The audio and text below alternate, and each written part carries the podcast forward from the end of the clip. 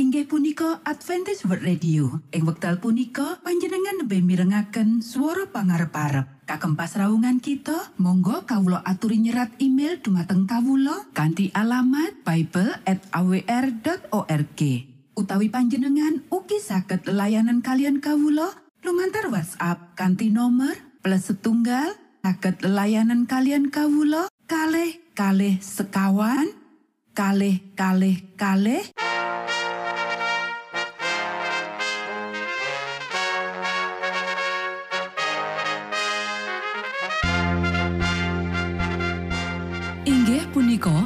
Adventist World Radio ingkang giaran kanthi basa Jawi.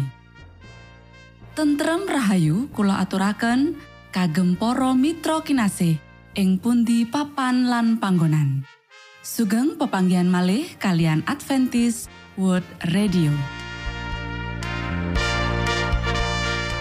Kanti bingahing manah Kulo badhe sesarengan kalian para mitra kinasih lumantar saperangan adicara ingkang sampun rinonci mligi kagem panjenengan sami.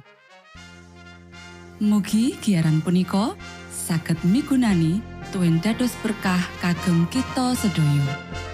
Sugeng midhangetaken Gusti amberkahi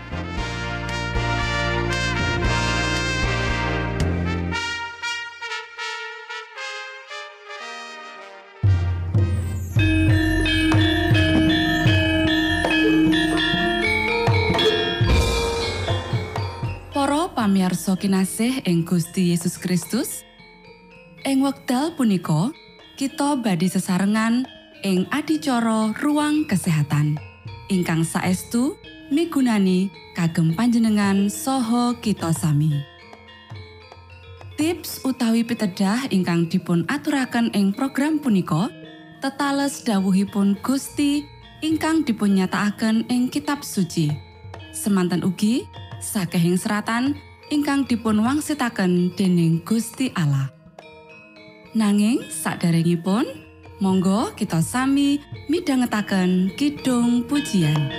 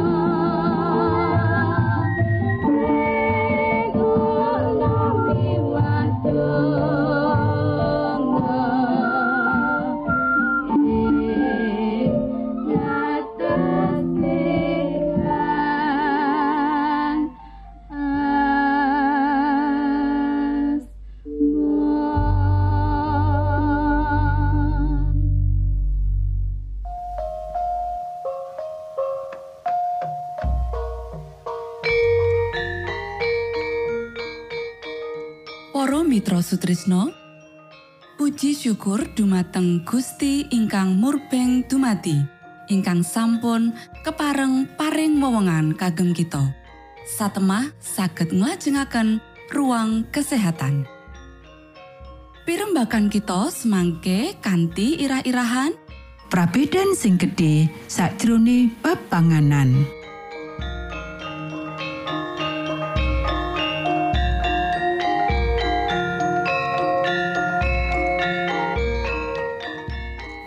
Dumateng para pamiarsa ingkang dahat kinurmatan, sugeng pepanggihan kalian kula Isti Kurnaidi ing adicara ruang kesehatan. Ing dinten punika kanthi irah-irahan prabedan sing gedhe sakjroning bab panganan. Para sedherek ingkang kinasih, ora saben wong sing aku percaya marang pembaharuan kesehatan bener-bener ya iku pembaharu. Kanggo akeh wong, pembaharuan iki mung sekedar ngetokake jenis-jenis panganan tartemtu sing ora nyehatake. Dheweke ora mangerteni kanthi cetha prinsip-prinsip kesehatan lan sawetara ing meja dahare isih dikebaki karo panganan-panganan lesat sing bebayani. Dheweke adoh saka contoh pertarakan lan kaprasajan Kristen. Siji golongan maneh Sakjroning pepinginan kanggo menehi tulodo sing bener, dheweke nglakoni bab sing kosok balen. Saperangan wong ora bisa entuk panganan sing paling disenengi lan gantine nggunakake barang-barang sing paling apik kanggo ngumpliti kekurangan iku, dheweke mangan jenis panganan sing asor. Panganane ora menehi unsur-unsur sing diperlokake kanggo gawe getih sing apik. Kesehatane merosot, kegunaane lumpuh, lan ketoladanane dudu nyurung nanging lawan pembaharuan sakjroning bab mangan. Wong-wong liya mikir menawa marga kesehatan merlokake panganan prasaja, mula ora perlu banget nggatekake pemilihan lan nglatekake panganan. Saperangan wong batesi diri kanthi panganan sing banget kurang. Ora duweni variasi sing cukup kanggo nyukupi kebutuhane urip. Lan dheweke nandang sengsara akibate. Para sedherek ingkang kinasih, wong-wong sing mung memahami saperangan saka prinsip-prinsip pembaharuan utawa reformasi kesehatan iki asring ya iku wong-wong sing sifate paling kaku. Ora mung sakjroning ngomongake pandangane dhewe, nanging uga sakjroning desek anggota-anggota keluarga liyane lan para tangga. Pengaruh saka reformasi ini sing salah, Saperangan katon saka kesehatane dhewe sing keganggu. Lan sakjroning usaha kanggo meksakake pandangane marang wong liya, menehi akeh pandangan palsu ngenani reformasi sakjroning bab panganan lan gawa dheweke kanggo nolak babar pisan. Para sedherek ingkang kinasih, wong-wong sing memahami pepakon-pepakon kesehatan lan sing diatur dening prinsip bakal ngendani loro-lorone prabetan sing keluwihan iku. Apa iku sing asifat manjaake utawa ngencengi? Panganane dipilih ora mung sekedar maremake selera nanging kanggo bangun awak. Dheweke mbudidaya ngopeni saben kapisan tetep sakjroning kahanan pucuk kanggo pelayanan sing paling apik kanggo Gusti Allah lan menungso. Selera dikendaleni dening akal sehat sarta arti nurani lan dheweke dianugrahi kesehatan awak lan pikiran. Senajan dheweke ora meksakake pandangane marang wong liya. Ketoladanane dadi sawijining kesaksian sing nyokong prinsip-prinsip sing bener. Wong-wong iki duweni pengaruh sing ombo kanggo kepecian para sedherek ingkang kinasih ana samu barang sing bener-bener masuk akal ngenani reformasi sakjroning bab panganan. Masalah iki kudu disinaoni kanthi cara jero lan ombo. Lan ojo sawijining wong ngecam wong liya merga prakteke sakjroning kabeh bab ora cocok karo prakteke dhewe. Ora mungkin nyiptakake aturan sing mutlak kanggo ngatur pakulinan saben wong. Lan ojo ana sing duwe panemu menawa dheweke iku dadi ukuran kanggo kabeh wong. Ora kabeh wong bisa mangan panganan sing padha. Panganan sing krasa lesat lan nyehatake kanggo sawijining wong mungkin ora enak, malah mbebayani kanggo wong liya. Ana saperangan wong sing ora bisa ngombe susu. Ewotene sing liyane banget senengi. Saperangan wong ora bisa nyerna polong-polongan lan kacang-kacangan. Ewotene liyane mujudake panganan sing nyihatake. Kanggo saperangan wong, pacawisan wiji-wijian sing atos mujudake panganan sing apik. Kamangka sing liya ora bisa mangan. Para sederek, wong-wong sing urip ing kawasan-kawasan anyar utawa ing wilayah-wilayah melarat, ing endi wowoan lan kacang-kacangan arang dipikolei, ojo dipeksa nyingkirake susu lan endok saka menune. Pancen bener menawa wong-wong sing berotot lan sing duweni nepsu saka kewan sing dhuwur perlu ngindani panganan-panganan sing rangsang.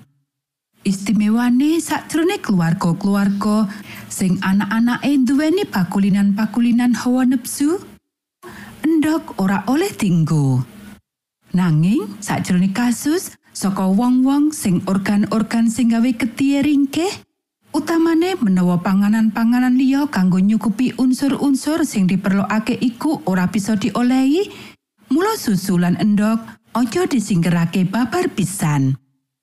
Nanging perlu banget ngati-hati supaya ngentokake susu saka sapi sing paling sehat lan endok saka unggas sing sehat sing diopeni kanthi becik lan diwenehi pakan sing apik lan endok-endok iku kudu dimasak sak rupa-rupa supaya gampang banget dicerna. Matur nuwun, Gusti amberkahi.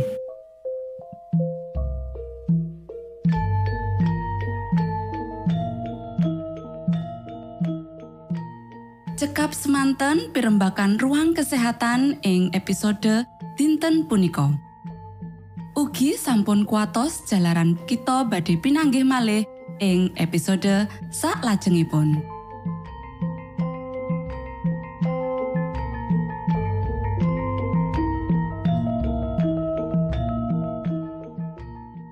Inggih punika adicara ruang kesehatan. Menawi panjenengan gadah pitakenan utawi ngersakaken katrangan ingkang langkung, monggo kula aturi kinton email dateng alamat ejcawr@ gmail.com utawi lumantar WhatsApp kanti nomor 025 pitu 00 songo songo papat 00 pitu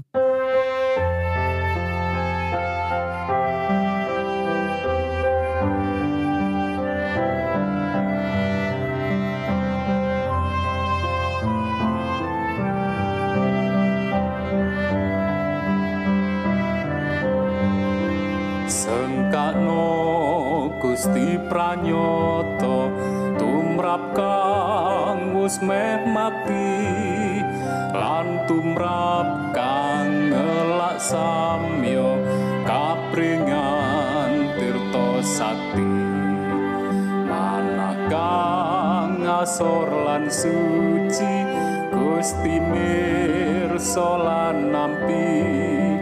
Kang samyo wuto ing driya antuk pandulu mukti sengkakno asmeng pamarto ing ajenging projalmi. Sinupre mratobat samyo dados wargane Gusti. Sengkakno Gusti pranyoto juru wilujeng jalmi mreh Gusti kapinanggih tumrap ingkang matosi kata tiang sekeng sami ngupati mreh basuki. Kanging wuni nulak sehnyo sami marep mring Gusti sengkakno asmeng pamarto ing ajenging projalmi. Sinupre mratobat samyo dados wargane Gusti.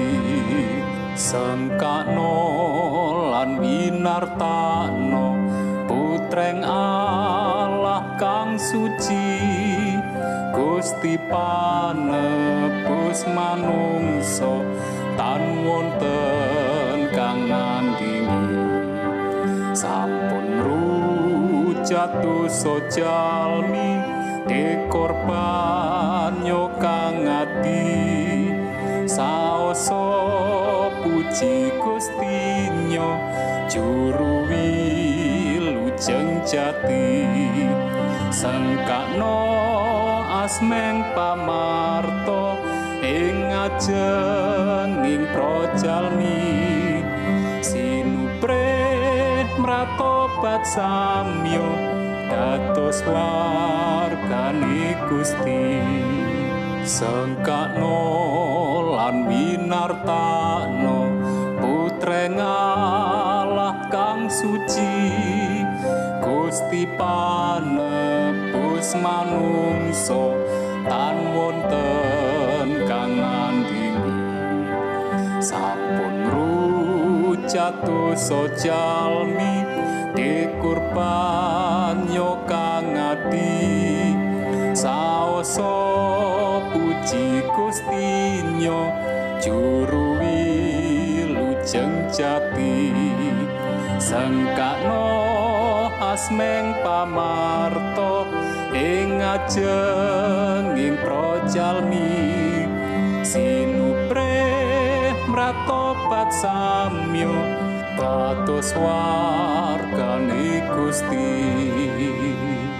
Saklajengipun, monggo kita sami midhangetaken mimbar suara pengharapan. Kanti pawarto Sang Kristus paderamu samyo puji asmanyo. Sang Kristus paderamu Inggih punika mimbar suara pengharapan. Ing episode punika kanthi irah-irahan. Injil langgeng pakabaran saka misi. Sugeng minangka tondo Sang Kristus paderamu Ilmu kawero tambah lan tambah. Sang Kristus paderamu Paderamu Paderamu Sang Kristus paderamu Shalom para pamirsa ingkang kinasih wonten ing Gusti sakmenika kita badhe mitangetaken renungan Sabto pangantikanipun Gusti ing dinten punika kanthi irah-irahan Injil langgeng pakabaran saka misi Para sedherek ingkang kinasih ayo diwaca kitab Wahyu pasal 14 ayat 6 nganti pitu. Lan aku tumeli weruh malaikat liyane mabur ing awang-awang ngasto Injil kang langgeng diwartakake marang wong kang padha manggon ana ing bumi lan marang sadéngah bangsa lan taler tuwin basa sarta golongan. Pangantikane kalawan swara seru. Padha wedi Asia marang Gusti Allah lan caosana kahormatan awit wektune pangadilane wis teka.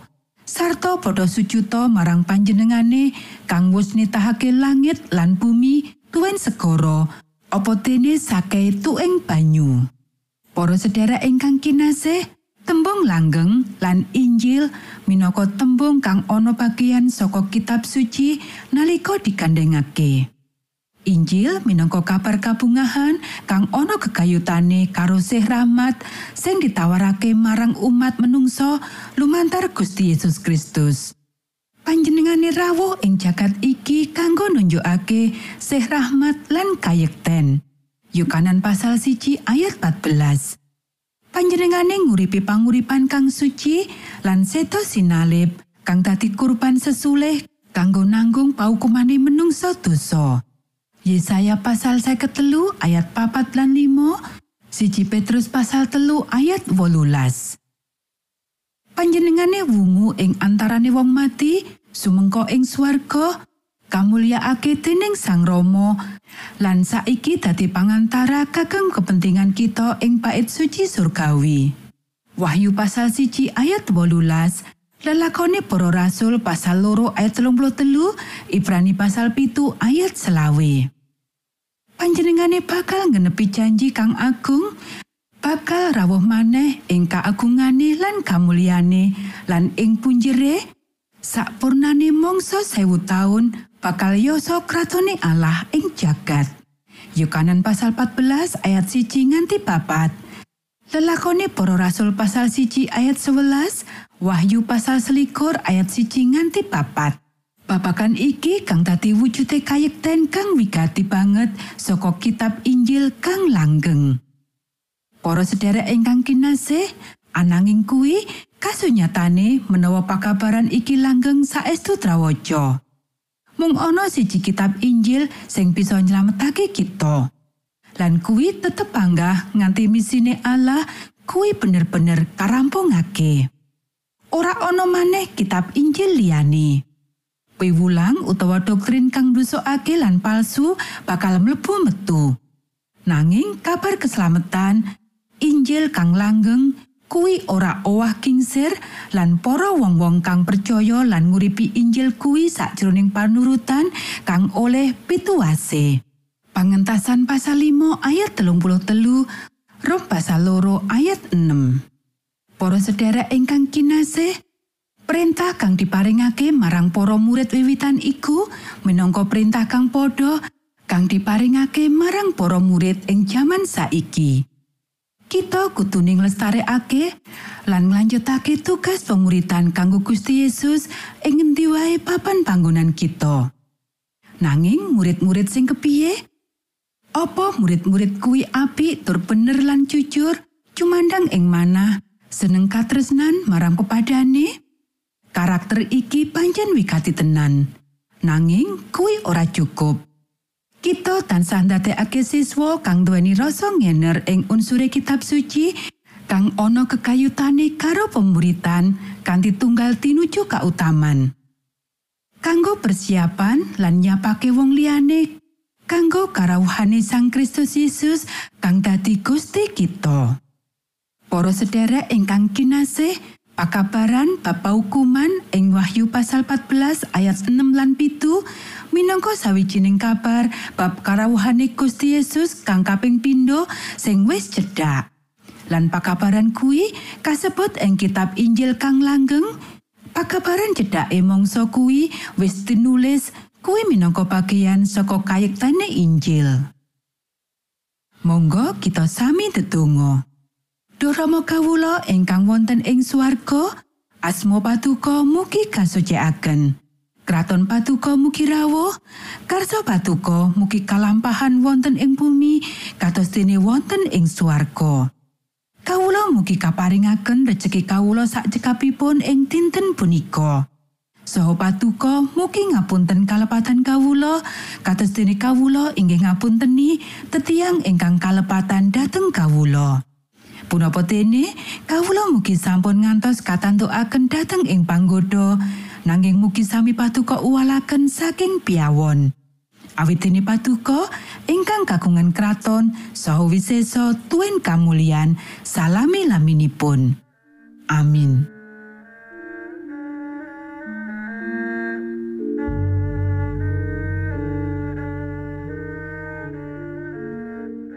Para Mitra Sutrisno pamiarsa kinasih ing Gusti Yesus Kristus. Sampun paripurno pasamuan kita ing dinten punika. Menawi panjenengan gadah pitakenan utawi ngersaakan seri pelajaran Alkitab suara nubuatan, Monggo Kulo aturi kinton email dateng alamat ejcawr@ gmail.com. utawi lumantar WhatsApp kanti nomor 025 pitu 00 songo songo papat 00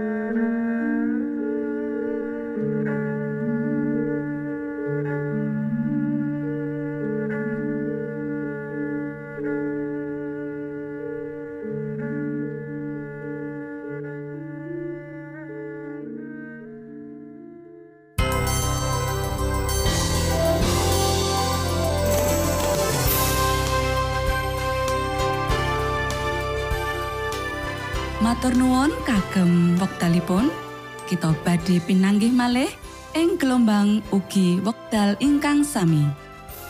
Saking studio kula ngaturaken tentrem rahayu.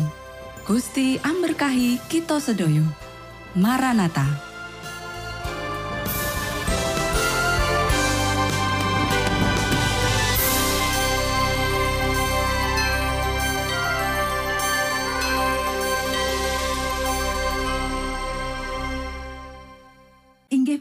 Adventist World Radio. Ing wekdal punika panjenengan lebih mirengaken suara pangarep-arep. Kagem pasraungan kita, monggo kawulo aturi nyerat email dumateng kawulo kanti alamat bible@awr.org. Utawi panjenengan ugi saged layanan kalian kawulo lumantar WhatsApp kanti nomor plus setunggal saged layanan kalian kawulo kalih kalih sekawan kalih kalih kalih